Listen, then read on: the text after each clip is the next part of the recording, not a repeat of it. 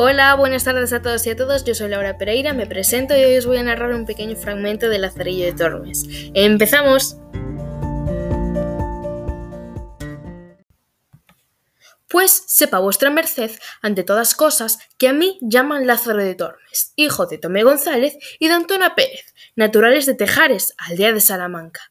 Mi nacimiento fue dentro del río Tormes, por el cual causa tomé el sobrenombre, y fue de esta manera mi padre, que Dios perdone, tenía cargo de proveer una molienda de una ceña que está ribera de aquel río, en la cual fue molinero más de quince años. Y, estando mi madre una noche en la ceña, preñada de mí, tomóle el parto y paríome allí de manera que con verdad me puedo decir nacido en el río.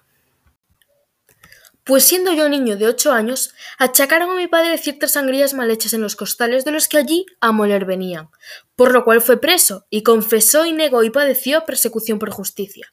Espero que Dios esté en la gloria, pues el Evangelio los llama bienaventurados.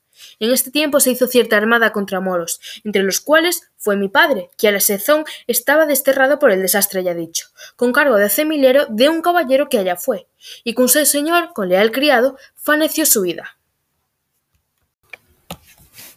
Mi viuda madre, como sin marido y sin abrigo se viese, determinó arrimarse a los buenos por ser uno de ellos, y vínose a vivir a la ciudad y alquiló una casilla, y metióse a guisar de comer a ciertos estudiantes y lavaba la ropa a ciertos mozos de caballos del comendador de la Magdalena, de manera que fue frecuentado las caballerizas. Ella y un hombre moreno de aquellos que las bestias curaban vinieron en conocimiento. Este algunas veces se venía a nuestra casa y se iba a la mañana. Otras veces de día llegaba a la puerta en achaque de comprar huevos y entrabas en casa. Yo, al principio de su entrada, pasábame con él y habíale miedo, viendo el color y mal gesto que tenía. Mas, de que vi que con su venida mejoraba el comer, fui, fuile queriendo, porque siempre traía pan, pedazos de carne y en el invierno leños a que nos calentábamos.